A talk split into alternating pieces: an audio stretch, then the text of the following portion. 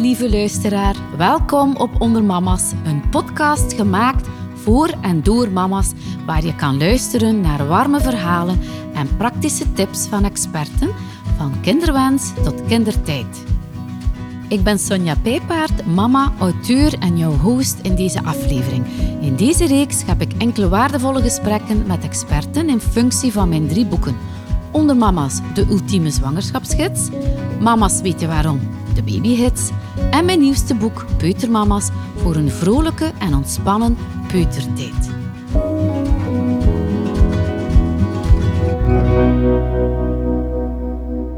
Dag Natasja, welkom bij de podcast Peutertijd, Peuterstrijd, uitdagingen met een peuter in huis van Onder Mama's. Je bent zelf mama van twee dochters en je werkt als zelfstandig kindercoach, waarbij jij kinderen ondersteunt om zichzelf te ontplooien met al hun talenten.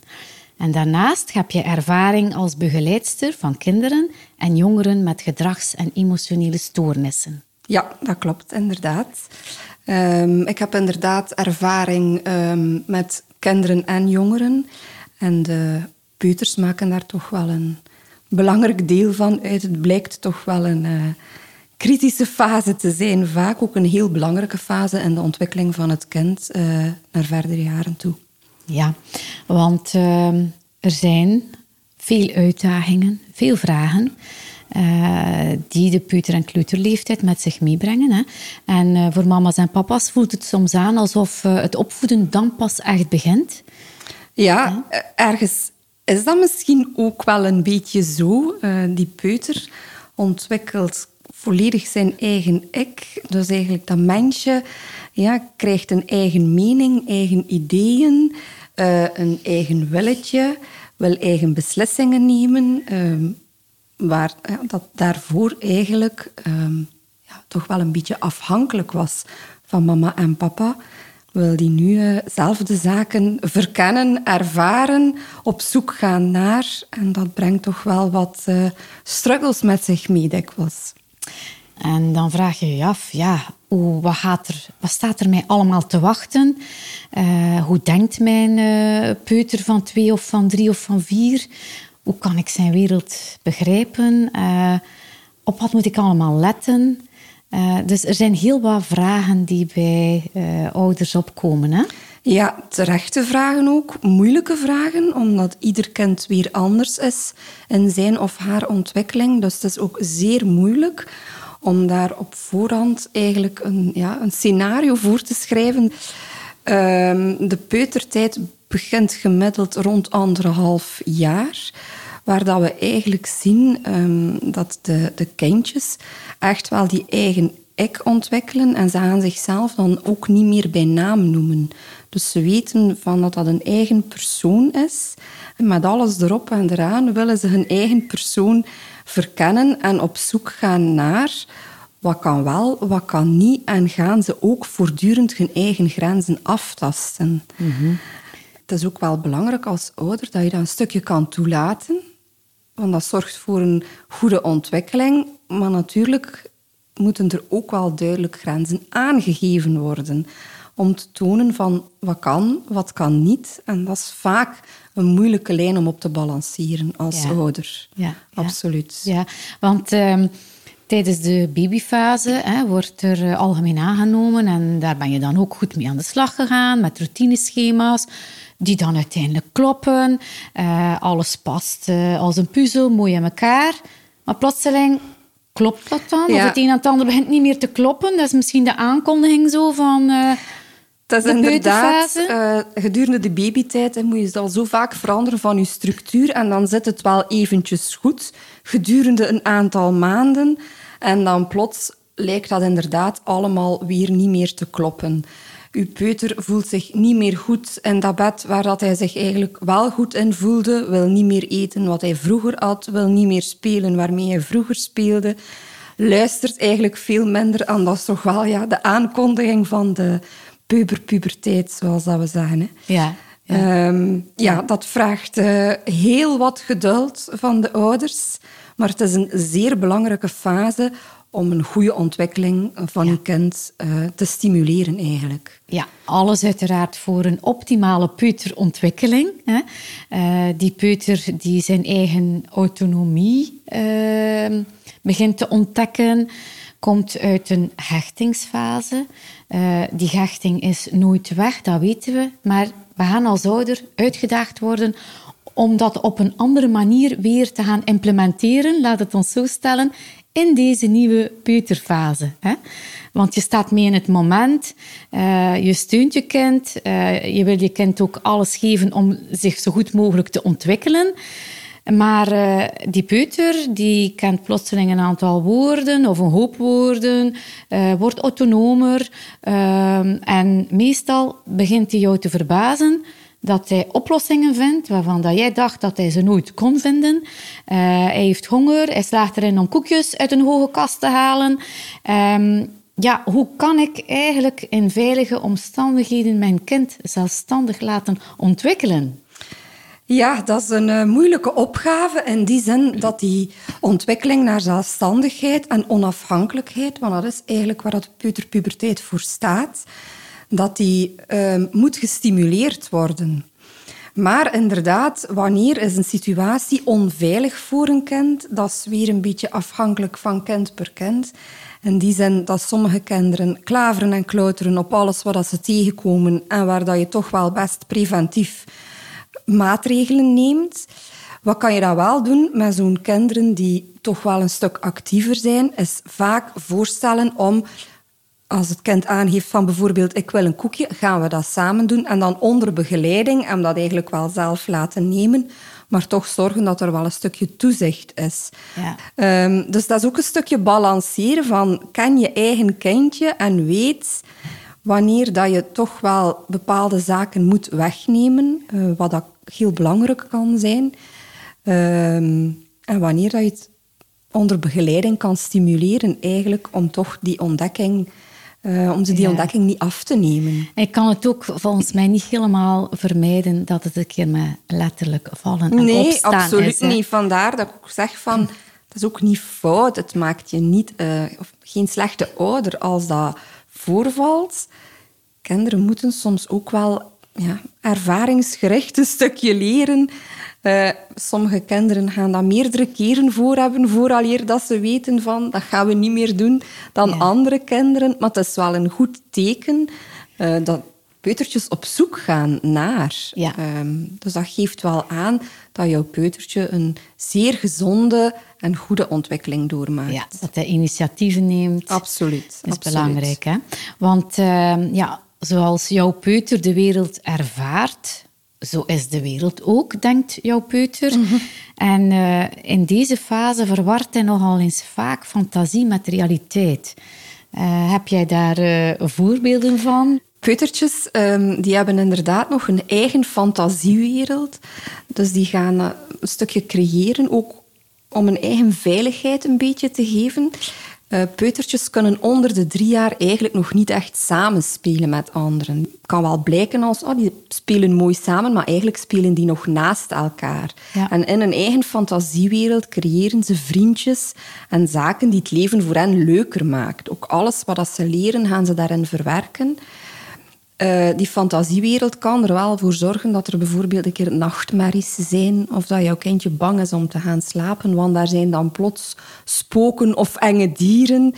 Um, peutertjes kunnen ook heel vaak zo tegen zichzelf zitten praten, uren aan een stuk, gewoon in een, eigen ja, verhaaltje die ze maken. Um, ik vind dat zelf een zeer mooie fase eigenlijk. En peuter stelt zichzelf dan ook wel in het midden van de wereld, hè?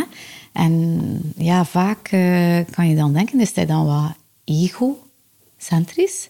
Absoluut. Peuters zijn zeer egocentrisch, um, maar ze kunnen daar eigenlijk niet aan doen. Nee. Peutertjes hebben nog een extern geweten. Het is eigenlijk zo dat die zich nog niet bewust zijn van de consequenties van bepaalde handelingen die zij stellen of zaken die zij doen. Zij denken daar helemaal nog niet over na. Bijvoorbeeld als zij zeer uh, koppig zijn, dan is dat eigenlijk gewoon omdat ze op zoek zijn naar een eigen identiteit en individualisme. Dus dat is toch wel heel belangrijk dat ze dat mogen en kunnen zijn. voor hen is dat ook oké. Dat is omdat dat geweten eigenlijk absoluut nog niet voldoende ontwikkeld is om na te denken over wat als of uh, hoe komt dat over bij anderen bijvoorbeeld. Die zijn daar nog niet toe in staat, dus we mogen hen dat ook absoluut niet kwalijk nemen. Nee, nee, nee. Het is wel iets dat we als ouder, uh, of ook ah, in de peutertuin bijvoorbeeld of zo, dat wel belangrijk is om aan te leren. Um, hoe dat je zelf omgaat met je kind, het voorbeeld dat je geeft, reacties die je geeft op handelingen die je kind staalt, gaan ze beetje bij beetje toch wel dat extern geweten kunnen ombuigen. En zo gaan ze toch wel ontdekken uh, uiteindelijk hoe iets kan aanvoelen voor anderen.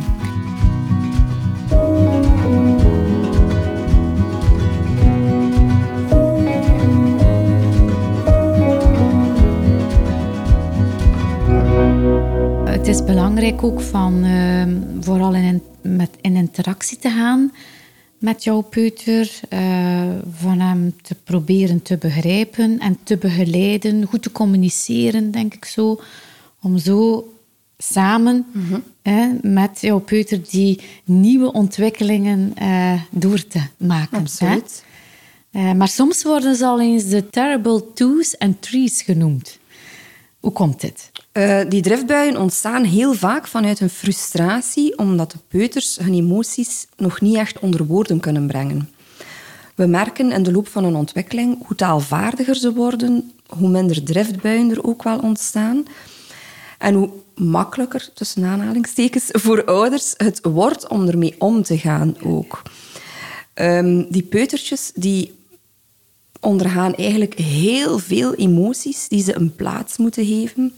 De weg van hechting naar autonomie, de hechting die als baby eigenlijk zeer fysiek was, gebeurt nu als ouder op een meer communicatieve manier. Ja, ja, ja. Uh, wat als kind peuter heel moeilijk te begrijpen is vaak. Ja, zijn woordenschat neemt wel toe. Absoluut. Maar om alles te begrijpen, daar heeft hij nog een, een langere weg voor nodig. En interactie met zijn ouders, zodat hij kan leren. Hè?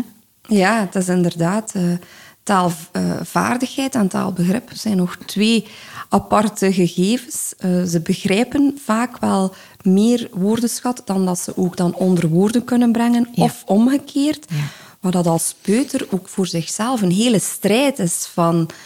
Je wil iets duidelijk maken aan, aan papa of mama en die begrijpen dat dan niet. Terwijl je eigenlijk denkt van, ja, ik ben wel duidelijk. Dat moet ook wel heel frustrerend zijn. Ja. Ze moeten erdoor en als ouder is het toch wel heel belangrijk om ze daarin te begeleiden. Ja, de meesten onder ons kennen de nee-fase. hè? Dus, eh, dus dan, dan denken wij zo van, is dat een leuk woord misschien om, eh, om uit te spreken? Maar hoe gaat die, die peuter daarmee om? Ja, de neeffase is absoluut gelinkt aan de peuterpuberteit. Ehm, in die zin dat dat voor een peutertje echt is van... Nu heb ik hier een keer de autonomie over mijzelf. Ik ga dat ook een keer gebruiken. Eigenlijk denken die gewoon zo, en toch ook wel om op ontdekking te gaan van die grenzen aftasten. Wat kan ik hier bereiken met mijn gedrag? Als ouder is het dan belangrijk om opnieuw die grenzen aan te geven, structuur te bieden en toch wel consequent te zijn. Wat niet altijd makkelijk is, maar structuur geven en grenzen aangeven zorgt voor veiligheid voor jouw kindje. Ja. Maar dat is echt wel belangrijk om aan die consequentie, allee, om daaraan vast te houden, echt. Ook aan, om aan je structuur vast te houden. En die nee-fase, ook daar moeten we door. goede afspraken Absoluut. maken. Hè? Ehm, ja, je kan ook eh, een timer eh, inzetten eh, als je een bepaalde opdracht wilt gedaan krijgen. Bijvoorbeeld, hoe sta jij daar tegenover? Het is zo dat dat voor peuters zelf soms nog moeilijk te begrijpen is om te werken met timers. Voor iets oudere peutertjes werkt dat beter. Ik zelf zou het enkel toepassen als bepaalde zaken echt een struggle zijn en als je echt aanvoelt van dit is meer een probleemsituatie, zal ik zeggen. Zou je, ik kan je een voorbeeld geven, bijvoorbeeld? Uh, bijvoorbeeld aankleden. Je hoort vaak dat aankleden een probleem kan zijn. In die zin van de peutertjes willen het zelf doen, maar ze kunnen het nog niet. Jij mag zelf proberen totdat het wekkertje afloopt of met een leuk, leuk geluidje of zo. En dan gaan we samen verder doen. Om toch niet volledig die autonomie te gaan afnemen. Um, als je samen, uh, de dingen samen aanpakt, geeft het voor een peuter ook meer het gevoel van ik heb toch nog een stukje beslissingsrecht. Want daar gaat het hem eigenlijk een beetje over. En eigenlijk is het ook positief, hè? Het zijn zeer eh, positieve zaken als dat voorkomt. Als je peuter zo'n gedrag niet stelt, ja. dan moeten we ons eigenlijk vragen stellen over de ontwikkeling. Ja. Dus het hoort er echt wel bij. Ja. En soms hoe heftiger, des te meer dat jouw peutertje in ontwikkeling is en een, een, op weg is naar een zelfstandig persoon. Ja. Maar dat toch wel heel belangrijk is. Ja, dat is belangrijk. Maar op een goede manier daarmee omgaan. Uh, een beetje een combinatie van beide. Mhm. Zelfbeslissingsrecht bij jouw peuter leggen en een deel bij jouzelf om het dan nog allemaal Absoluut. praktisch en soms binnen de tijd te houden. Hè? Ja. ja. Um, grenzen stellen. Uh, hoe kunnen wij eigenlijk consequent grenzen stellen volgens jou? Het consequent grenzen stellen um, hoort ook bij structuur. is een basisvoorwaarde om veiligheid en dus ook hechting te blijven aanbieden aan je peuter. En dat is uh, eigenlijk de kunst om, als je vindt dat iets niet kan, ongeacht het gedrag van je peuter, vaak is dat dan in het openbaar, waar dat het allemaal wat gevoeliger ligt, ja. om daar toch aan vast te houden. Ja. Als je gezegd hebt dat iets niet kan, hou daar ook aan vast. Ja. Want als je peuter voelt, als ik eventjes doordoe, mag ik toch wel, dan wordt het heel moeilijk om nog terug te schroeven. Uh, dus ondanks alles, ondanks driftbuien, ondanks bepaalde structuren toch aanhouden, probeer dat ook te benoemen naar je peuter toe. Probeer het uit te leggen. Doe dat wel in korte, duidelijke en eenduidige zinnen. Dat hoeven geen hele epistels te zijn, want dat gaat hij of zij toch niet begrijpen. Maar met korte boodschappen uh, de zaken toch aanhouden en blijven volhouden. Maak je dan ook best afspraken met anderen die af en toe jouw kind verzorgen? Dat is zeker aan te raden. Voor peutertjes is het niet gemakkelijk van bepaalde regels in een bepaalde setting. Al weten ze vaak wel heel goed bij wie ze wat wel of niet kunnen. Geef ik maar het voorbeeld oma's en opa's. Op de een of de andere reden weten ze vanaf de peutertijd heel vlug bij oma of opa kan er net iets meer. En bij papa en mama mag dat dan weer niet. dus ze leren dat eigenlijk toch wel vrij vlug, wat dat ook niet slecht is eigenlijk. Nee, nee, nee. Uh, om daar te leren mee omgaan. Als elk binnen zijn setting consequent blijft, Inderdaad. dan is dat ja. begrijpelijk voor, uh, voor een peuter ook. Hè? Een peuter kan ook zo uh, vragen op je af, afvuren. Uh, heel leuk, maar uh, soms ook een uitdaging, hè? Al Ja. die vragen. Ja, waarom stelt een peuter al die vragen? Moeten we ze allemaal au serieus nemen? Hoe gaan we daarmee om? De waarom-fase waarover dat we spreken, is, uh, ik vind dat wel een leuke fase, boeiende fase, maar dat is vooral zeer nuttig. Uh, die is eigenlijk van zeer groot belang, omdat door vragen te stellen gaan peutertjes eigenlijk um, hun denkniveau veranderen en gaan ze een bepaalde vorm geven aan de wereld rondom hen. Ja. Ze gaan eigenlijk de wereld begrijpen en taalvaardiger worden, meer taalbegrip uh, krijgen, gaan ze zich beter kunnen uiten, emoties beter kunnen plaatsen. Uh, dus ze doen dat zeker niet zomaar. Voor hen is dat echt, die waarom-vragen zijn echt belangrijk, want die Ja. vragen dat zich echt wel af. Ja. Geef dan ook echt wel eerlijke antwoorden. Ja. Ehm, luister goed naar de vragen die je kindje stelt. Er komen ook vaak vragen waarvan dat je denkt... ehm, bijvoorbeeld, moet ik in mijn bed? Of waarom moet ik in mijn bed? Soms is het ook goed om de vraag gewoon terug te koppelen naar je kindje. Ja. Van, waarom Ja. denk jij dat jij in jouw bedje moet slapen, Ja. bijvoorbeeld? Ja, want eh, met eh, gewoon daarom, eh, dat, dat zeggen we best niet, denk ik. Hè? Nee, daar heeft een kind, een peutertje, geen boodschap aan. Wij als volwassenen vinden dat niet leuk. Laat staan een peuter die de wereld rondom hem eigenlijk nog niet begrijpt. Het is niet altijd evident om een antwoord te geven. Ja. Maar het maakt nu eenmaal deel uit van het ouder worden en van opvoeding geven. Dus dat is toch wel belangrijk. Ja, want kan me voorstellen dat er dan misschien wel een probleem kan zijn als het kind geen waarom-vragen stelt. Dat is zeker problematisch als kinderen geen waarom-vragen stellen en niet op zoek gaan naar antwoorden, zou ik zelfs durven zeggen. Dan uh, hebben we toch wel te maken met een ontwikkelingsstoornis. Ja.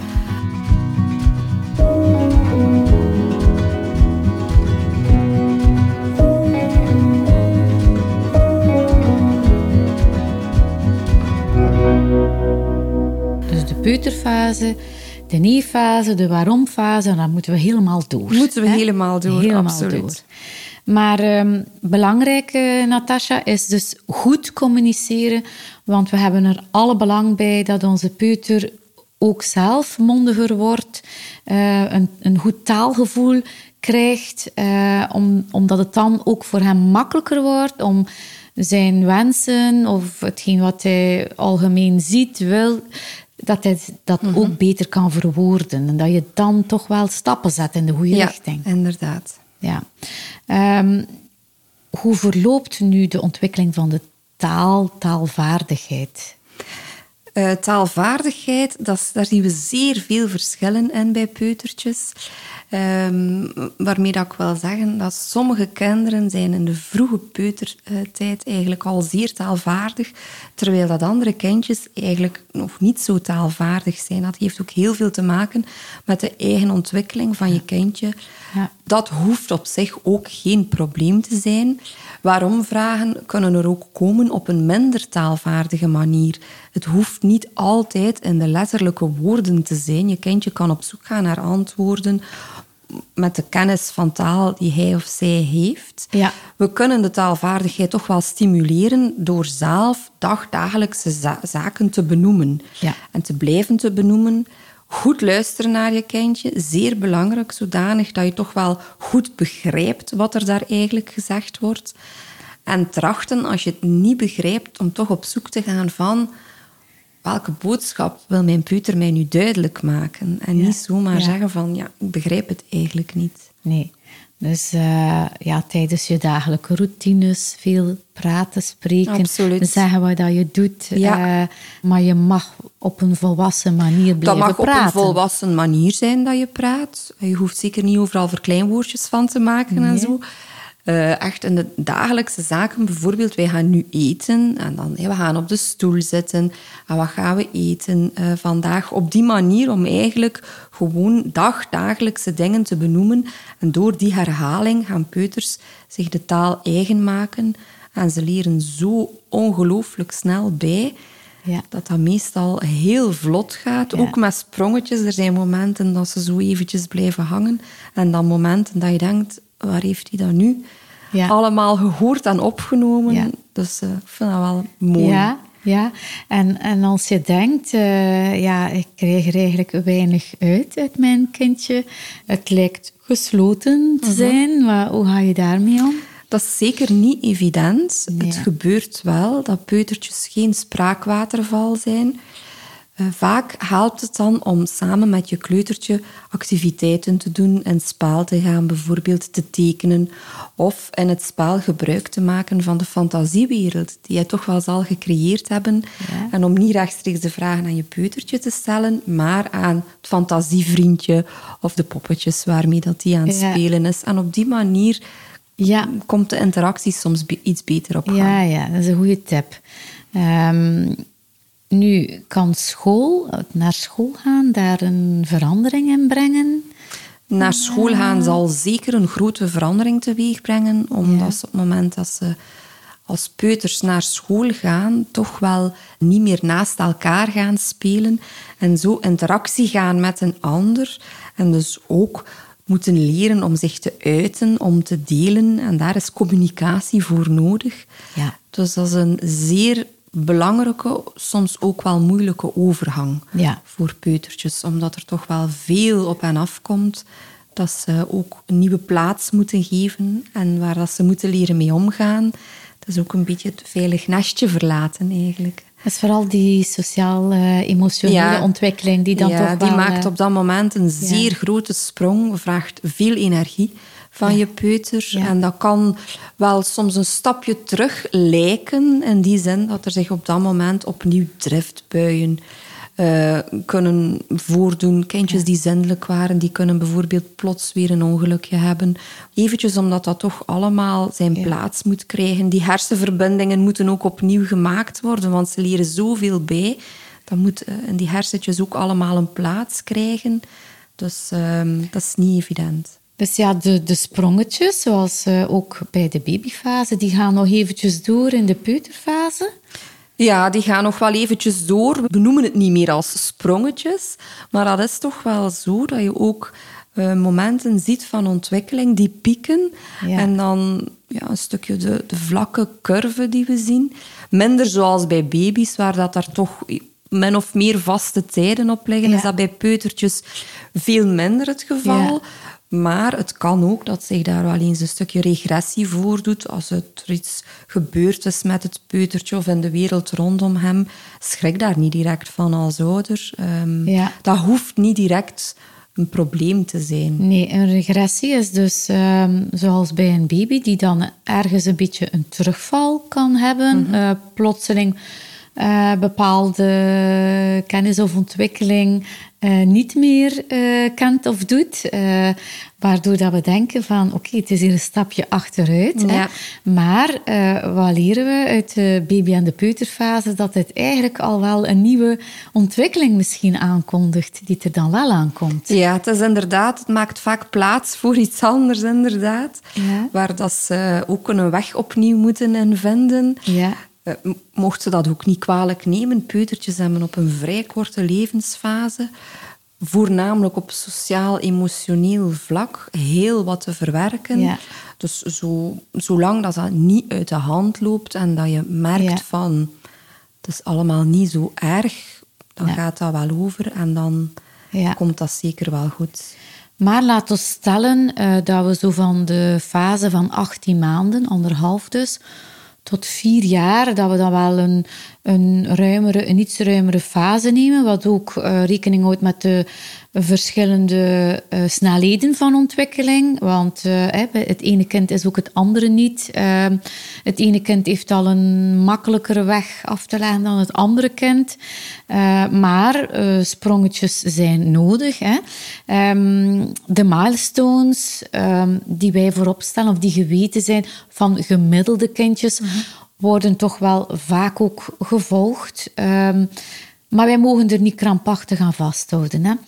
Ik denk dat we, zoals in de babyfase, mogen zeggen dat een peuter op zijn eigen tempo mag ontwikkelen, alle kansen moet krijgen en dat we als ouder toch niet te krampachtig uh, daar mogen op toezien.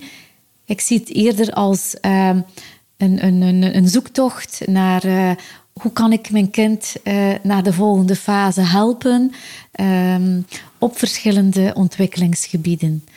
Uh, dus ja, maar uh, hoe zie jij dat, de milestones in die peuterfase? Hoe verloopt dat? Uh, het is inderdaad, zoals dat je zegt, van geef je kind de eigen tijd en ruimte die het vraagt en nodig heeft. Elke peuter heeft zijn eigen karakter.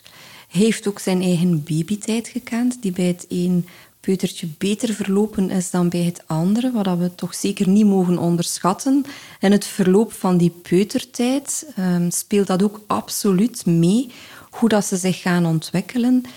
Um, ook reacties van ouders zijn daar zeer belangrijk in. Mag je kind op ontdekking gaan?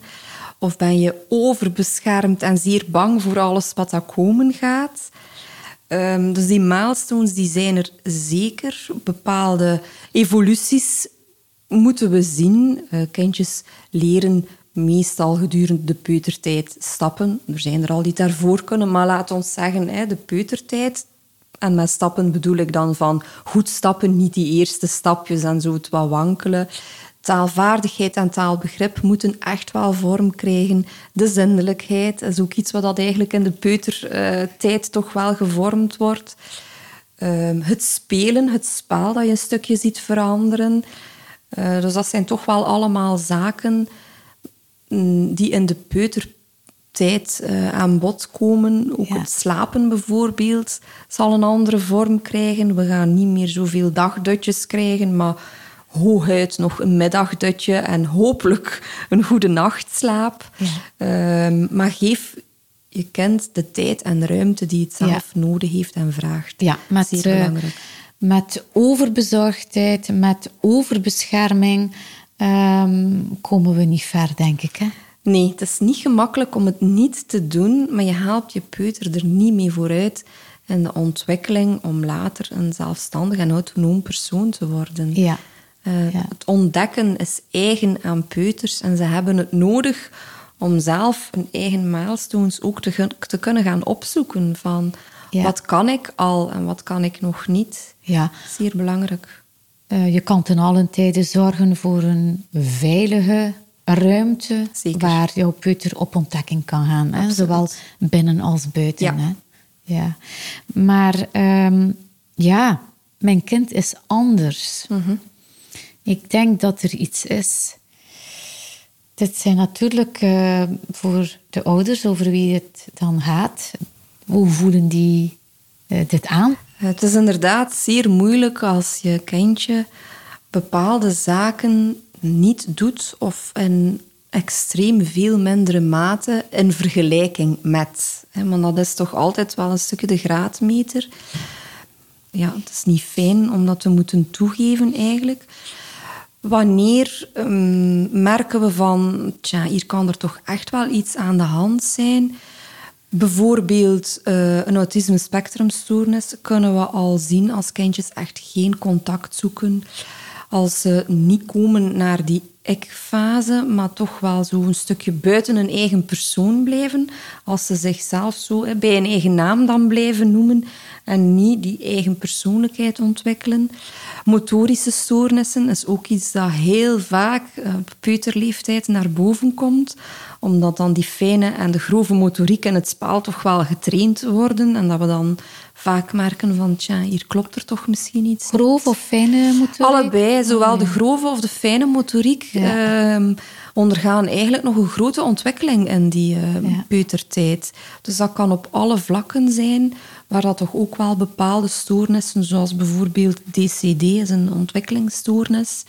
eh, enerzijds op de motoriek, eh, anderzijds aandacht, concentratie. Maar door die motoriek kunnen we een indicatie hebben. Ja. Om echt te gaan spreken van diagnoses in de peutertijd als het gaat over ontwikkelingsstoornissen en gedragsstoornissen, dat is wel iets moeilijker. Eh, daar moet vaak wel iets meer tijd over gaan. Maar weet dat je als ouder, dat er zeker mensen zijn die aan de slag kunnen met u als ouder en met je kindje, om toch te gaan kijken van hoe kunnen we dit aanpakken en de peuter stimuleren eh, om er zo ver mogelijk en zo goed mogelijk in te gaan ontwikkelen.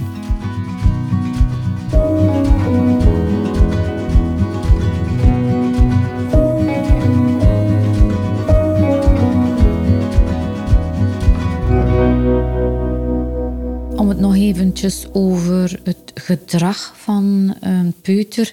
Ehm, zoals je zegt, structuur is belangrijk. Onze aanpak, spreken, communiceren en, en dergelijke. Consequent zijn ook.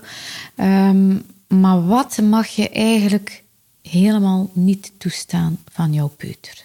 Dat hij doet. Ja, dat is eh, voor iedere ouder natuurlijk een beetje individueel bepaald.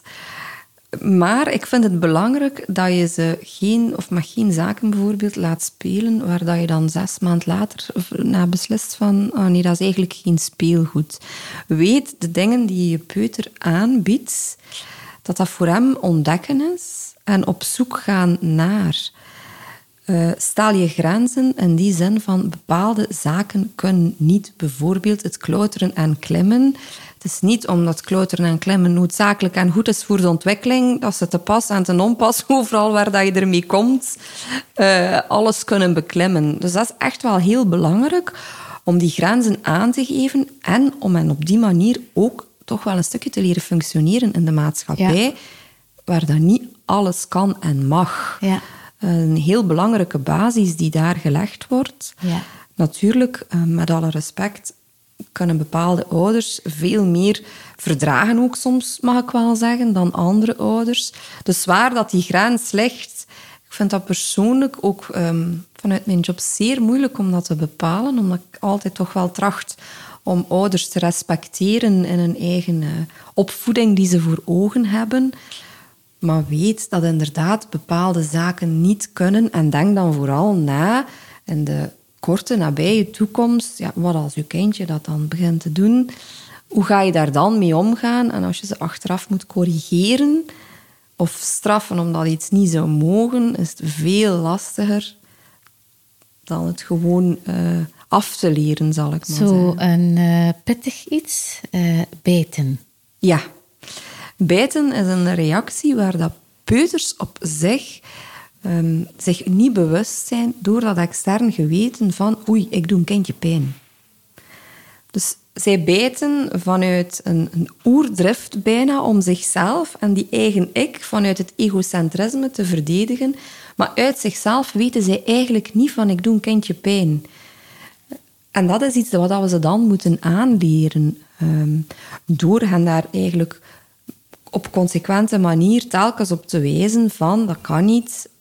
Bij sommige kindjes verloopt dat heel wat moeilijker dan bij andere kindjes. Het is een verdediging vanuit zichzelf, maar die beseft niet dat dat eigenlijk absoluut niet kan. Jouw peuter krijgt een enorme aanval in een winkel, een driftbui van je welste. Wat doe je dan? Ik probeer, um, er zijn twee pistes voor mijzelf. De piste als mama. Um, ik heb een zeer rustige dochter en ik heb een nogal heftige dochter. En de heftige dochter, ja, die kon zich midden in de winkel op de grond smijten. En ik liet die daar dan ook liggen. Ik, had, ik kon dan wel heel consequent zijn. Met alle gevolgen van dien, dat je dan aangesproken wordt vaak door mensen van en dat kan niet en dat mag niet. Dus weet hè, wat dat, dat kan teweegbrengen. Natuurlijk, in de coaching die je geeft, of die ik geef naar ouders toe, niet ouder, elke ouder is zo sterk om dat aan te kunnen, uh, wat ik ook wel begrijp. Ik heb daar ook zeker alle respect voor. Maar blijf ook daar consequent, ongeacht de driftbui, uh, geef ze niet wat ze willen om van die driftbui af te komen. Ja. Want gegarandeerd de volgende keer is er nog een driftbui en waarschijnlijk veel erger. En zo ontwikkelde eigenlijk wel een, een gedrag dat niet kan. Dus beter de korte pijn en even volhouden. Probeer het te negeren ook wel. En probeer vooral reacties van omstaanders te negeren. En doe wat uw, uw moeder of vaderhart, het maakt niet uit, zegt. Uh, maar wees consequent. Consequent. Ja, zeker in de reden van de driftbui. Dat is toch wel zeer belangrijk. Van, ja. uh, probeer op dat moment niet in overleg te gaan om toegevingen te doen. Ja. Want dan... In een hoekje gaan staan? Hoe sta je daar tegenover?